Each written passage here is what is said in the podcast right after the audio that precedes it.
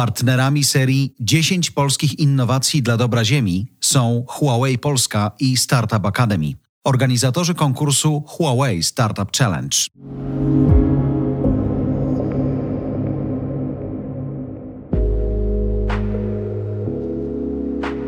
Ze studia Voice House Jarosław Kuźniara. W nowej miniserii audycji, do której chcę Was zaprosić, pokażę Wam 10 polskich innowacji dla dobra Ziemi. Realizujemy ją w ramach Huawei Startup Challenge. Motywem przewodnim tej edycji jest hasło Tech for Better Planet. Poznajcie liderów 10 finałowych startupów, którzy dzięki swoim naprawdę innowacyjnym rozwiązaniom próbują dosłownie zmienić świat, choć wiemy, że to brzmi bardzo górnolotnie, ale im naprawdę o to chodzi. Bardzo fascynująca podróż przed nami. Zapraszam Was do niej.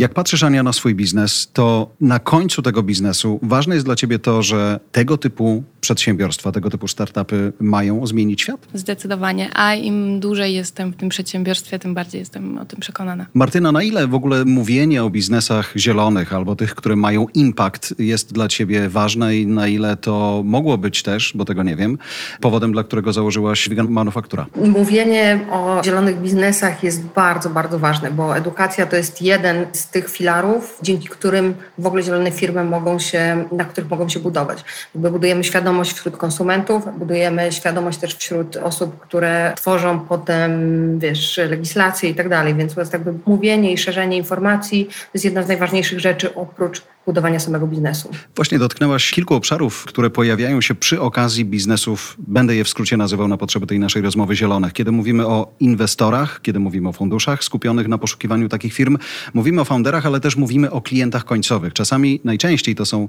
chociaż zdarzają się biznesy, które są raczej dedykowane B2B niż B2C, ale czy macie takie poczucie, bo patrząc na i Vertigo Farms i Vegan Manufaktura, tutaj jednak ten klient końcowy też ma duże znaczenie. To znaczy, gdyby nie jego zainteresowanie, gdyby nie jego zmiana podejścia do życia, to pewnie trudno byłoby takim firmom jak wasze się rozwijać. Macie rzeczywiście poczucie dane na to, że Nowak, Kowalski chcą jeść zdrowiej, wiedzą więcej o tym, co to znaczy zielone i zdrowe jedzenie? Tak.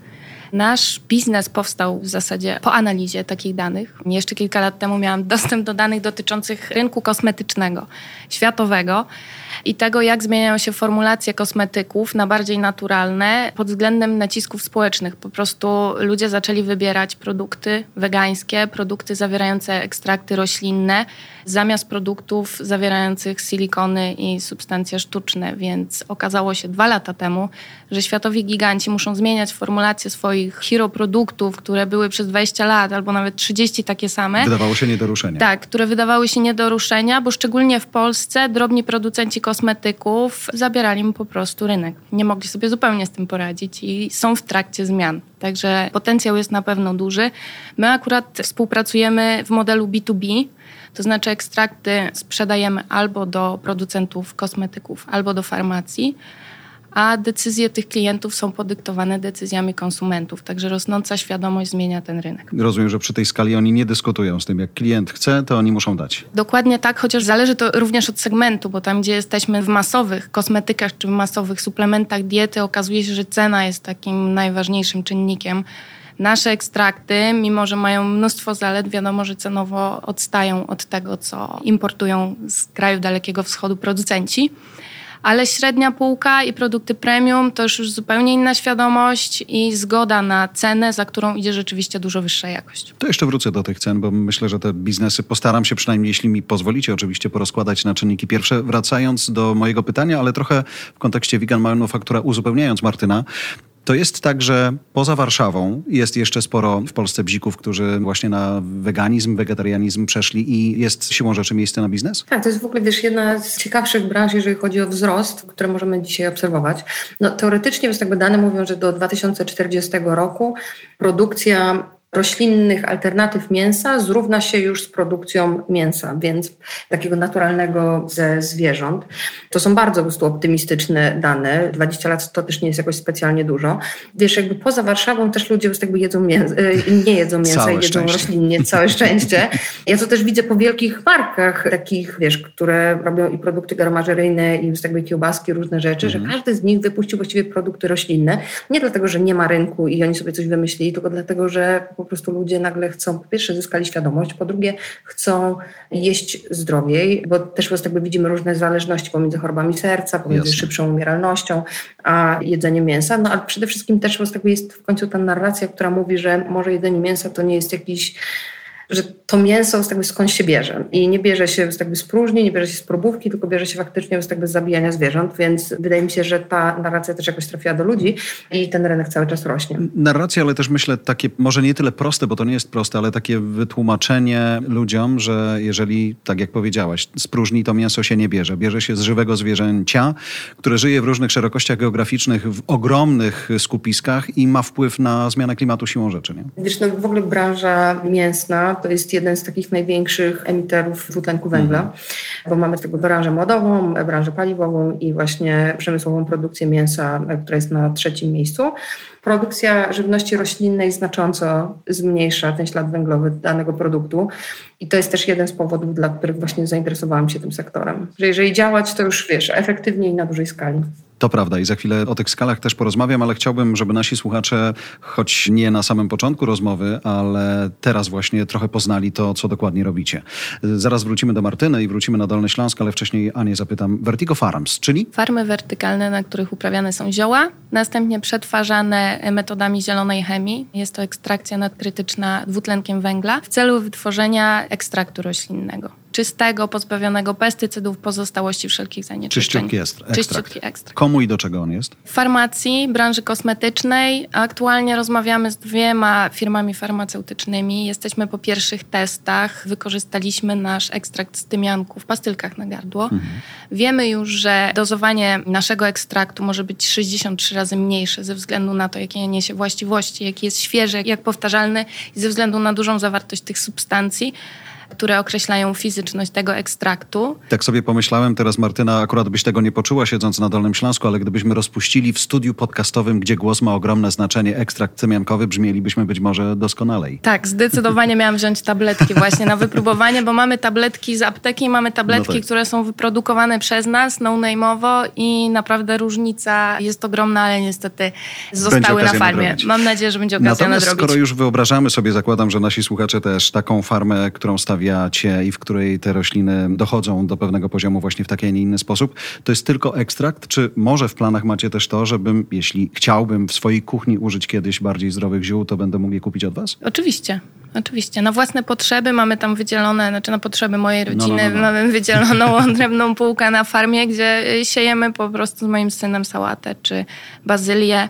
Wszystkie te zioła, które uprawiamy, są certyfikowane eko. Nie używamy tam pestycydów, nawozy w minimalnej ilości także one nie mają żadnych pozostałości. Co ciekawe, niedawno weszliśmy też w współpracę z firmą Vertum, która zajmuje się sztuczną inteligencją w obszarze upraw wertykalnych, to znaczy mają takie roboty, które sprawdzają jakość upraw, bo wiadomo, że trudno jest zajrzeć do środka, mhm. tak żeby wyłapać na przykład ogniska chorobowe lub jakieś niedomagania rośliny wtedy, kiedy brakuje jakichś substancji odżywczych. Więc to rozwiązanie też super redukuje nam możliwości wykorzystywania pestycydów, albo raczej. Czyli e, bardziej punktowo. Tak, jeśli dokładnie. Już. Mhm. Jeżeli już, albo nawet nie punktowo, po prostu usuwa się ognisko choroby i tyle wystarczy, żeby to się nie rozeszło dalej. Martyna, mówimy o Huawei Startup Challenge. To nie pierwszy i pewnie nie ostatni Startup Challenge dla ciebie. Myślę, że spora część i polskiej sceny, i nie tylko polskiej sceny startupowej kojarzy się z Syntoila. Dzisiaj rozmawiamy o Vegan Manufactura. Powiedz, co robisz z zespołem swoim? Wiesz, mam kofanderkę izraelską specjalistkę od y, digitalizacji i budowania produktów, Carmelę. I razem z Carmelą jakiś czas temu natrafiłyśmy na problem. To znaczy, ona miała klienta po stronie izraelskiej, który produkuje żywność no i ponieważ Izrael ma też ograniczoną ilość zasobów, to po prostu jakby chcieli przenieść produkcję do Europy. No i zaczęłyśmy im pomagać, zaczęłyśmy szukać fabryki, która mogłaby przejąć część ich produkcji. No i okazało się, że to jest taki rynek, który jest kompletnie niezdigitalizowany, że działa tak, jakby w ogóle nigdy nie było internetu i do dzisiaj wszyscy się komunikowaliby faksem. I pomyślałam sobie, że to jest niesamowite, to że jest świat, jeszcze jakaś... jest wolny. Na pewno jest dużo wolniejszy od naszego. I byłam na maksa zdziwiona w ogóle, że jest jeszcze jakiś sektor, który nie jest digitalizowany i on jest w ogóle w centrum Europy. Więc zaczęłyśmy budować soft, program, urządzenie, marketplace, zwał jak zwał, platformę, na której chcemy łączyć i producentów żywności, którzy chcą produkować wegańską żywność, włączając w to na przykład startupy, które mają jakieś innowacyjne produkty, ale nie będą budowały swojej fabryki i łączymy te podmioty z fabrykami, które mają wolne przebiegi, z fabrykami żywności, dlatego że z naszego researchu wyszło, że większość fabryk, jak nie wszystkie właściwie, mają wolne sloty. Czy to, bo z tego są na przykład fabryki, które produkują różne produkty ze zbóż i w 50% ich linia po prostu nie produkuje, ponieważ mm, jakby to nie jest dlatego, że oni tego nie przemyśleli, tylko w takich dużych fabrykach, wiem to jakby z innych swoich projektów, zazwyczaj budujesz większe niż potrzebujesz, ponieważ cena jest taka sama, więc właściwie prostu jakby zrobienie tam tony czy tony 200 na godzinę, to w ogóle jest ta sama cena, więc budujesz trochę większą, żeby potem po prostu jakby te koszty rozbudowy na wszelki wypadek były tańsze. I oni też tak zrobili i dzisiaj po prostu jakby są puste te miejsca, więc my postanowiłyśmy wykorzystać te sloty i w jakiś sposób zautomatyzować cały proces, dlatego że dzisiaj, jak masz startup i chcesz produkować wegańskie produkty i chcesz z nimi wejść na przykład do, nie wiem, do jakiejś dużej sieci sklepów, to duże sieci sklepów ci raczej odmówią. To jest żywność. Sklepnik tutaj nie opiera się na zaufaniu, że ty dostarczysz po prostu 100 albo 200 Pokaż, ton. że dowieziesz tylko, X. Dokładnie. Okay. I to będzie powtarzalne, zestandaryzowane i tak dalej. Więc przez to po prostu jakby startupy z mają trochę mniejszy dostęp do tego takiego olbrzymiego rynku sieci detalicznych. To, co my robimy, to jest właśnie przez to, że one mogą wyprodukować swoją żywność w renomowanej dużej fabryce, która też gwarantuje jakość, która też gwarantuje jakby to, że to będzie w czasie i że to w ogóle będzie ułatwia po prostu wszystkim życie i właściwie jakby nowe produkty wegańskie mogą być coraz bardziej dostępne. Rozmawialiśmy, zanim jeszcze oficjalnie włączyliśmy mikrofony, o tym, że o tyle w tym konkursie możemy pokazywać firmy nie tylko kodujące, ale robiące inne rzeczy, to wyobrażam sobie taki startup, który wegański jest i chce produkować żywność. Wszystkie możliwe, chociażby sanepidowe procedury, żeby taka jego własna fabryka ruszyła, byłyby, myślę, sporym koszmarem. Dla niego, dla inwestora przez długi czas. Rozumiem, że wy trochę zabieracie ten problem im z głowy. Tak, oczywiście oczywiście, oczywiście, wiesz, takie outsourcowanie takiej produkcji ktoś już przed nami wymyślił i na przykład jest to w Holandii taka olbrzymia fabryka, która nazywa się Schouten.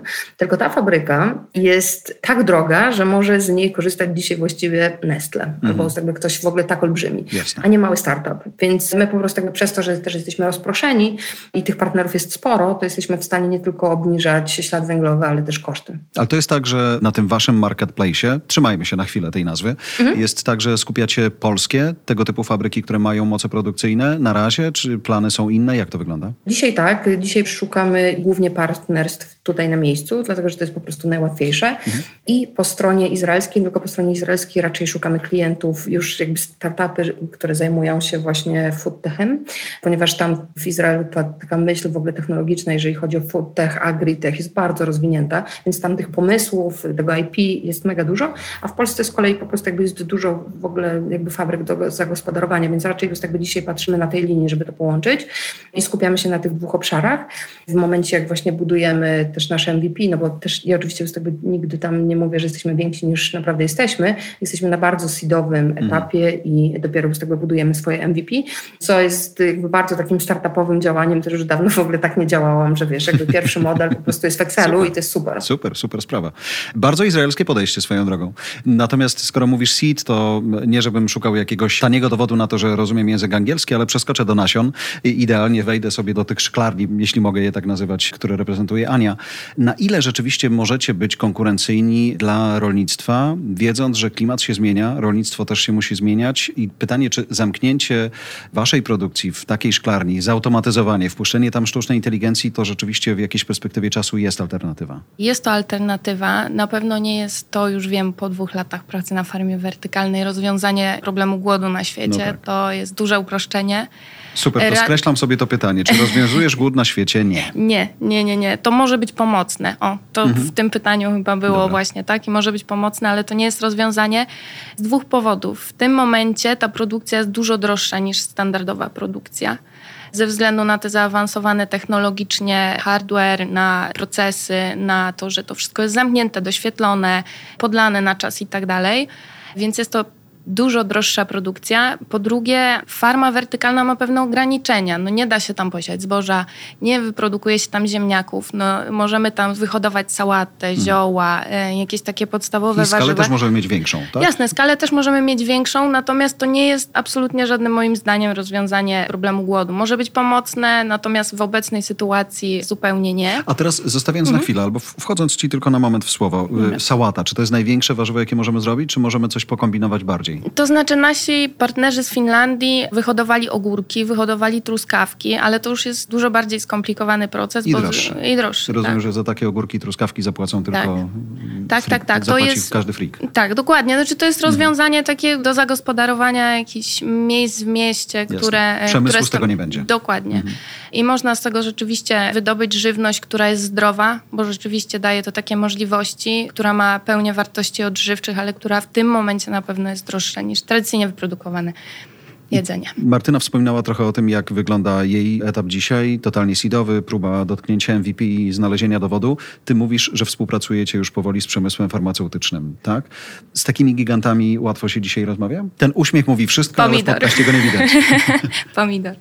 Nie są to oczywiście łatwe rozmowy. Tak jak Martyna tu wspomniała, mamy również to, co przy żywności jest też ważne, czyli cały sanepid, cała dokumentacja. Rzeczywiście te ekstrakty muszą mieć badania dosłownie na wszystko i oświadczenia dosłownie o wszystkim. Więc przygotowanie takiej pełnej dokumentacji, żeby wejść w ogóle w produkcję jest ogromnym krokiem.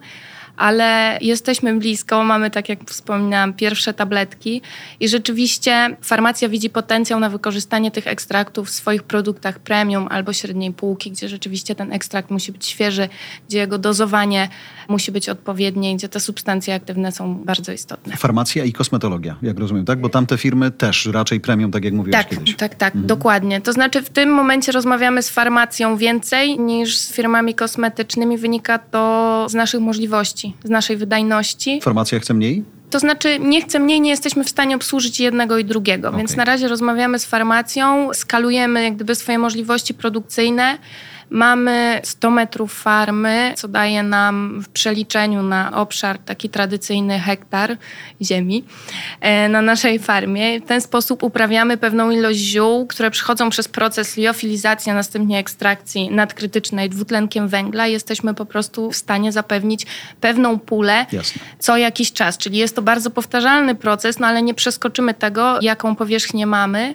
Tak naprawdę przeliczamy się teraz, ile jesteśmy w stanie zapewnić ekstraktu, mając do dyspozycji e, Hektar. farmę, który, tak, Mhm. hektar, nasz hektar piętrowy. No i jesteśmy też dosłownie przed tym krokiem, gdzie będziemy myśleć o tym, jak skalować ten biznes i na ile. O to chciałem też zapytać i za chwilę polecimy na ziemię dolnośląską. Myślicie w jakiejś, czy w ogóle wchodzi to w grę, żebyście poza dostarczaniem półproduktów, ekstraktów przemysłowi produkowali własne y, produkty też? Tak, mamy taki plan, ale to jest na pewno pieśń przyszłości. Teraz musimy skupić się na tym, żeby dopiąć temat sprzedaży, regularnej sprzedaży z farmacją, przeliczyć się i spróbować się wyskalować, bo już wiemy, że taka skala jest niewystarczająca do naszych ambitnych celów i Jasne. do tego, czego oczekuje branża farmaceutyczna od nas. Martyna powiedziałaś uczciwie, że nie mówisz, że jesteśmy więksi niż jesteśmy i że to jest etap seedowy.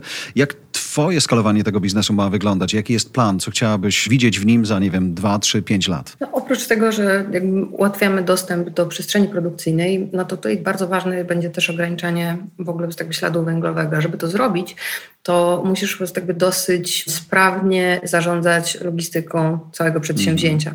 Czyli skąd przyjeżdżają produkty, dokąd też jadą, dokąd jedzie końcowy produkt, tak żeby to było blisko, nie wiem, centrum logistycznego, więc jakby danej firmy, która od ciebie kupuje i tak dalej. Więc tutaj po prostu jakby zasianie czy zbudowanie partnerstw na poziomie całej Europy, czy może już jakby w pewnym momencie dalej, no ale to już wiesz, tak no, oczywiście już tak bardzo długofalowo myśląc, no to wtedy to ma sens, bo tak działanie po prostu na taką mniejszą skalę to akurat w tym biznesie ma dużo mniejszy sens, bo jednak chodzi o to, żeby to było blisko, też transport jest coraz droższy, trzeba to po prostu jakby wymyślać jakby bardzo sprytnie, też każdy po prostu dzisiaj patrzy na koszty, więc to nie jest tylko transport, ale dzisiaj to są na przykład koszty energii. Mhm. Na przykład w Polsce po prostu jest mega drogi gaz w tym momencie i energia elektryczna, więc y, Polska już nie jest najlepszym miejscem do tego, żeby robić wiele rzeczy jakby takich przemysłowych. Możliwe, że po prostu Czechy są lepsze i tak dalej. To jest taki biznes, gdzie po prostu jest też dużo danych takich geopolitycznych, które musisz wziąć pod uwagę. Planowałyście to wcześniej? Czy to jest wiedza, którą odkrywacie z każdym kolejnym dniem robienia biznesu? Wiedza, którą odkrywamy zdecydowanie jest jakby z każdym dniem, wiesz, też jakby zmieniają się regulacje jakby co do odpadów, co hmm. do jakby ceny, jakby wszystko się jakby zmienia, więc to nie jest tak, że jakby pivotujemy raz w tygodniu, bo chyba bym tam padła i, i oszalała. Ale, ale raz na dwa tygodnie już tak. nie, to już mam prawie 40 lat, już nie jestem w stanie pivotować w ogóle tak często. Tak, bardzo po prostu każdy ten krok jest przemyślany. Ja w ogóle też mam taką filozofię, wiesz, mój chłopak się śmieje, że zanim ja zrobię jakiś jeden krok, to najpierw trzy godziny myślę o tym, jak go zrobić najmniejszym kosztem. Więc tutaj jest podobnie. Ale to dobrze, że on się pojawił i że tak też ciebie opisuje, bo moje kolejne pytanie brzmiało, czy tobie doświadczenie Syntoila jakoś pomaga w właśnie innym prowadzeniu nowego biznesu? Tak, na pewno po prostu mam większe zrozumienie partnerów po stronie fabryk żywności, dlatego że jeżeli jakby oni mówią, że nie są w stanie zrobić czegoś przez noc, to ja już się nie wykłócam. Mm. Jakbym miała 20 lat i mówiła, że wiem lepiej, nic nie wiem lepiej, po prostu ufam im, ponieważ wiem, że faktycznie jest jakby różne zmiany wymagają od nich czasu, zezwoleń, przemyślenia i tak dalej, więc to już nie jest tak, że właśnie z tego cisnę szybko, szybko, szybko i na pewno się da, no bo czasami się po prostu nie da, więc to jest jakby moje takie doświadczenie syntoilowe, że jakby jestem w stanie wejść w ich buty i zobaczyć ich perspektywę. Ania, twoje doświadczenie biznesowe mm, jak wygląda? Moje doświadczenie biznesowe związane jest z Vertigo głównie. Wcześniej pracowałam w marketingu. Jestem tutaj specjalistą od marketingu, jak się nie trudno domyślić. No i jestem w tym biznesie od samego początku razem z mężem. Mąż prowadził wcześniej firmę, która zajmowała się dotacjami unijnymi. I jak gdyby jego doświadczenie, jego podejście do pozyskiwania funduszy unijnych pozwoliło nam ten startup po prostu stworzyć i sfinansować go w dużej mierze z pieniędzy unijnych. Martyna wspomniała wcześniej o firmie w Holandii, która daje podobne możliwości, tylko trzeba mieć pieniądze, żeby była okazja z nią współpracować. Ty wspominałeś o Finlandii, gdzie dzisiaj, jak popatrzysz sobie na twój biznes, na takie wertykalne farmy, jest największa konkurencja, od kogo można się uczyć? Nasi partnerzy z Finlandii obsługują tu Europę. Mają bardzo duże farmy pod Londynem. Druga bardzo duża firma jest w Stanach Zjednoczonych, Areo Farms i tam znajduje się największa farma wertykalna, która ma ponad 6 tysięcy metrów kwadratowych i wiadomo, że jest trochę to... Trochę hektarów więcej. Tak, trochę hektarów więcej, biorąc pod uwagę, że tych pięter też mają więcej, mm. bo to jest powierzchnia jednego piętra. Sporo dzieje się też na Dalekim Wschodzie i na Bliskim Wschodzie. Tam też pojawiają się takie rozwiązania. Natomiast jeżeli chodzi o rzeczywiście stopień zaawansowania, to Stany Zjednoczone i nasza Finlandia, która jest startupem, ale świetnie sobie radzi w wprowadzaniu rozwiązań przy budowie farm wertykalnych. Ja wspomniałem Martyna o pewnej przyszłości i nie wiem, czy weryfikować te interwały czasowe, których użyłem, czyli nie wiem, 2, 3, 5 lat, ale trzymając się najbliższego okresu, niech to będzie, nie wiem, 2023 rok, jak chciałabyś, żeby twoja firma wyglądała w takim czasie? Wiesz co, na pewno chcemy już zamknąć jakąś większą pulę partnerstw po stronie fabryk i ruszyć już jakby z pierwszymi zamówieniami od strony startupów do, do fabryk. Wydaje mi się, że taka końcówka 2023 to już będzie jakby gotowy MVP, który już będzie faktycznie platformą, która będzie już działała i rozwiążemy sporo problemów, które dzisiaj mhm. zidentyfikowaliśmy. Więc tak, myślę, że 2023, jeżeli nie będzie, nie wiem, kolejnej pandemii, nie daj Boże wojny, czegokolwiek. Odpukuję. Nie wiem, czy słychać w, w Kłodzku, ale odpukujemy tu w Warszawie, żeby już nie było. E, natomiast Aniu, półtora roku co z waszą farmą może się w tym czasie stać? Mam nadzieję, że się przeskalujemy i podpiszemy stały kontrakt na obsługę z firmą farmaceutyczną. Czyli skalowanie w tym przypadku nie oznacza dostawiania pięter czy dokładania hektarów, tylko po prostu regularne dostawy, tak? Na przykład? Regularne dostawy to jesteśmy w stanie zapewnić już teraz, tylko chodzi o jak gdyby wielkość tego, co dostarczamy, ilość tego ekstraktu. Mhm. Także tak u nas skalowanie oznacza dostawienie pięter, powiększenie farmy. To dopytam jeszcze o jedną rzecz, bo mówiliśmy o klientach tych powiedzmy ostatecznych, w sumie niezależnie trochę od tego, czy to B2B, czy B2C, bo i tak na końcu jest człowiek, więc że oni już trochę rozumieją, że że trzeba zapłacić więcej że to zmieniać może świat i że oni mają na to wpływ, mniejszy lub większy.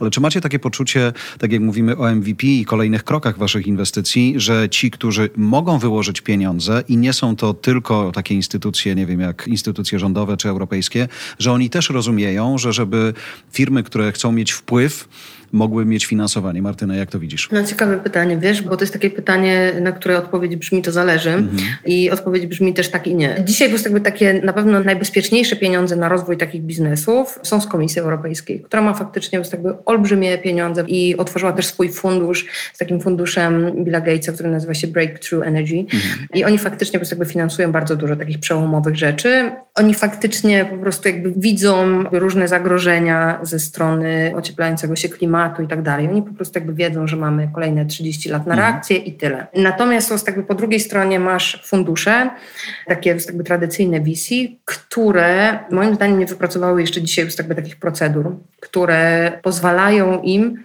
w starym modelu zarabiać pieniądze. Czyli procedur na Czyli... ryzyko, tak? Bo ja sobie wyobrażam te tak, wasze biznesy, że tu siłą rzeczy jest duże ryzyko i jest dużo nauki i trzeba czasem przetestować. Jak się słucha naukowców, a nie biznes, no to naukowcy mówią, wiesz, ja czasem po pięciu latach dojdę do wniosku, że szłam złą drogą i to będzie super, bo ja to odkryję. No ale to kosztuje. To kosztuje, no ale to po prostu jest jakby wada w ogóle z tego, tego dzisiejszego hmm. systemu, wiesz, bo jest jakby szczepionkę też was jakby udało się jakby na COVID tam zrobić w ciągu roku, bo jakby za jakieś niewyobrażalne pieniądze, bo jakby kilka zespołów, na pewno jakby niewyobrażalne jakby tam porażki wszyscy ponosili, ale to się udało, po prostu jakby był jasny cel i tak dalej, i tak dalej. Więc cholera, wiesz, to jakby ja tutaj mm. widzę naprawdę, to jest bardzo po prostu jakby trudny temat. Jakby bardzo się cieszę, że w ogóle tutaj Ania zdobyła pieniądze po prostu z NCBR-u i może się z tego też jakby za publiczne pieniądze rozwijać, bo dla mnie w ogóle te przedmioty tych przedsiębiorstw, które są na przykład w tym konkursie, to nie jest tylko jakby biznes, ale to jest w ogóle jakby publiczna sprawa. Bo to są firmy prywatne, które rozwiązują publiczne problemy, Jasne. za które już raz zapłaciliśmy, bo już zapłaciliśmy no tak, jakby w podatku, ale jakby one są w ogóle nierozwiązane. Więc ja myślę, że to jest po prostu niesamowita odwaga w ogóle tych ludzi, niesamowita odwaga jakby też ich inwestorów, obojętnie czy to są prywatne pieniądze, czy nie, to po prostu jakby to jest super, że faktycznie ktoś to sfinansował, ale też ja tylko nie widzę po prostu, wiesz, jako kaprys ani nic, tylko to są po prostu naprawdę super potrzebne rzeczy już jakby do tego, żeby w ogóle nasza cywilizacja przetrwała. Też oczywiście boję takich, wiesz, dużych słów, bo to zawsze po prostu może no nie, ale... wyjść jakby zabrzmieć pretensjonalnie, ale to są naprawdę po prostu grube rzeczy. To prawda, szczególnie, że nawet jak słucham innych uczestników tego konkursu, o którym rozmawiamy, to ta świadomość, że to jest 30 lat, ale to jest tylko 30 lat, sprawy są bardzo poważne. Dwa, że przez te 30 lat e, klimat się może może zmienić na różne sposoby. Są bardziej wietrzne, bardziej słoneczne momenty w ciągu jednego, drugiego roku i na to za cholerę nikt nie ma wpływu, nie? Ania, jak ty na to patrzysz? No nie ma. Taka farma wertykalna rozwiązuje ten problem. Rozwiązujemy też większy problem z firm farmaceutycznych, bo oni mają bardzo duży kłopot z pozyskiwaniem ekstraktu, który jest powtarzalny, dlatego że w dużej mierze dociera on z Dalekiego Wschodu, więc generuje duży ślad węglowy no tak. po drodze. Bardzo często to, co znajduje się w opisie tego ekstraktu jest czym innym niż tak, tak naprawdę tak, jest Tak daleko wewnątrz. jak ta droga, jaką e, Tak, dokładnie. Więc chyba paruje po drodze. Także problem jest duży, wszystko jest uzależnione bardzo od bardzo e, dalekosiężnego transportu, który ten ślad węglowy generuje. My rozwiązujemy kilka problemów. A finansowanie? Jeżeli chodzi o finansowanie, no to teraz już będziemy musieli się postarać o finansowanie z jakiegoś funduszu. Natomiast my też, zanim zaczęliśmy korzystać z funduszy unijnych, rozglądaliśmy się po funduszach VC i wiemy, że rzeczywiście, tak jak Martyna mówi, jest tak, że oni potrzebują Excela i informacji, kiedy wam się to zepnie. No tak. Także w momencie, kiedy jest się pionierem na rynku, nie jest łatwo zdefiniować, znaczy zdefiniować cel jest łatwo, ale już yy, dowieść, Excel, dowieść Excel w konkretnym czasie nie zawsze. Dlatego my sami też troszkę wycofaliśmy się w środki publiczne, bo stwierdziliśmy, że e, w tym momencie będzie to dla nas bezpieczniejsze. Mamy też trzech aniołów biznesu, którzy wsparli nas w tym całym przedsięwzięciu i tak naprawdę wydaje nam się, że dopiero teraz będziemy mogli sięgnąć po środki prywatne. Mocno trzymam kciuki, nie tylko za najbliższe półtora roku, które sobie jakoś dookreślili, ale za to, żeby te wasze marzenia, plany i biznes się bardzo dobrze rozwijał i spinał. Aniu, Martyna, bardzo wam dziękuję za spotkanie. Dziękujemy za Twoją uwagę, ale zanim się rozłączysz albo posłuchasz kolejnego odcinka, mam prośbę. Spotify pozwala teraz na ocenę podcastów. Jedna, dwie, trzy, cztery albo pięć gwiazdek. Bądźcie z nami szczerzy. Dziękuję. Jeżeli jeszcze nie subskrybujesz naszej audycji, zrób to na Apple Podcast czy Spotify. Nie przegapisz najnowszego odcinka i pomożesz nam się wspinać na listach podcastowych przebojów. Zasubskrybuj także inne podcasty od Voice House. Znajdziesz je na każdej platformie podcastowej, w każdym kanale social mediowym. Zapraszam też na stronę Voice House po więcej dobrej treści. Partnerami serii 10 polskich innowacji dla dobra Ziemi są Huawei Polska i Startup Academy, organizatorzy konkursu Huawei Startup Challenge.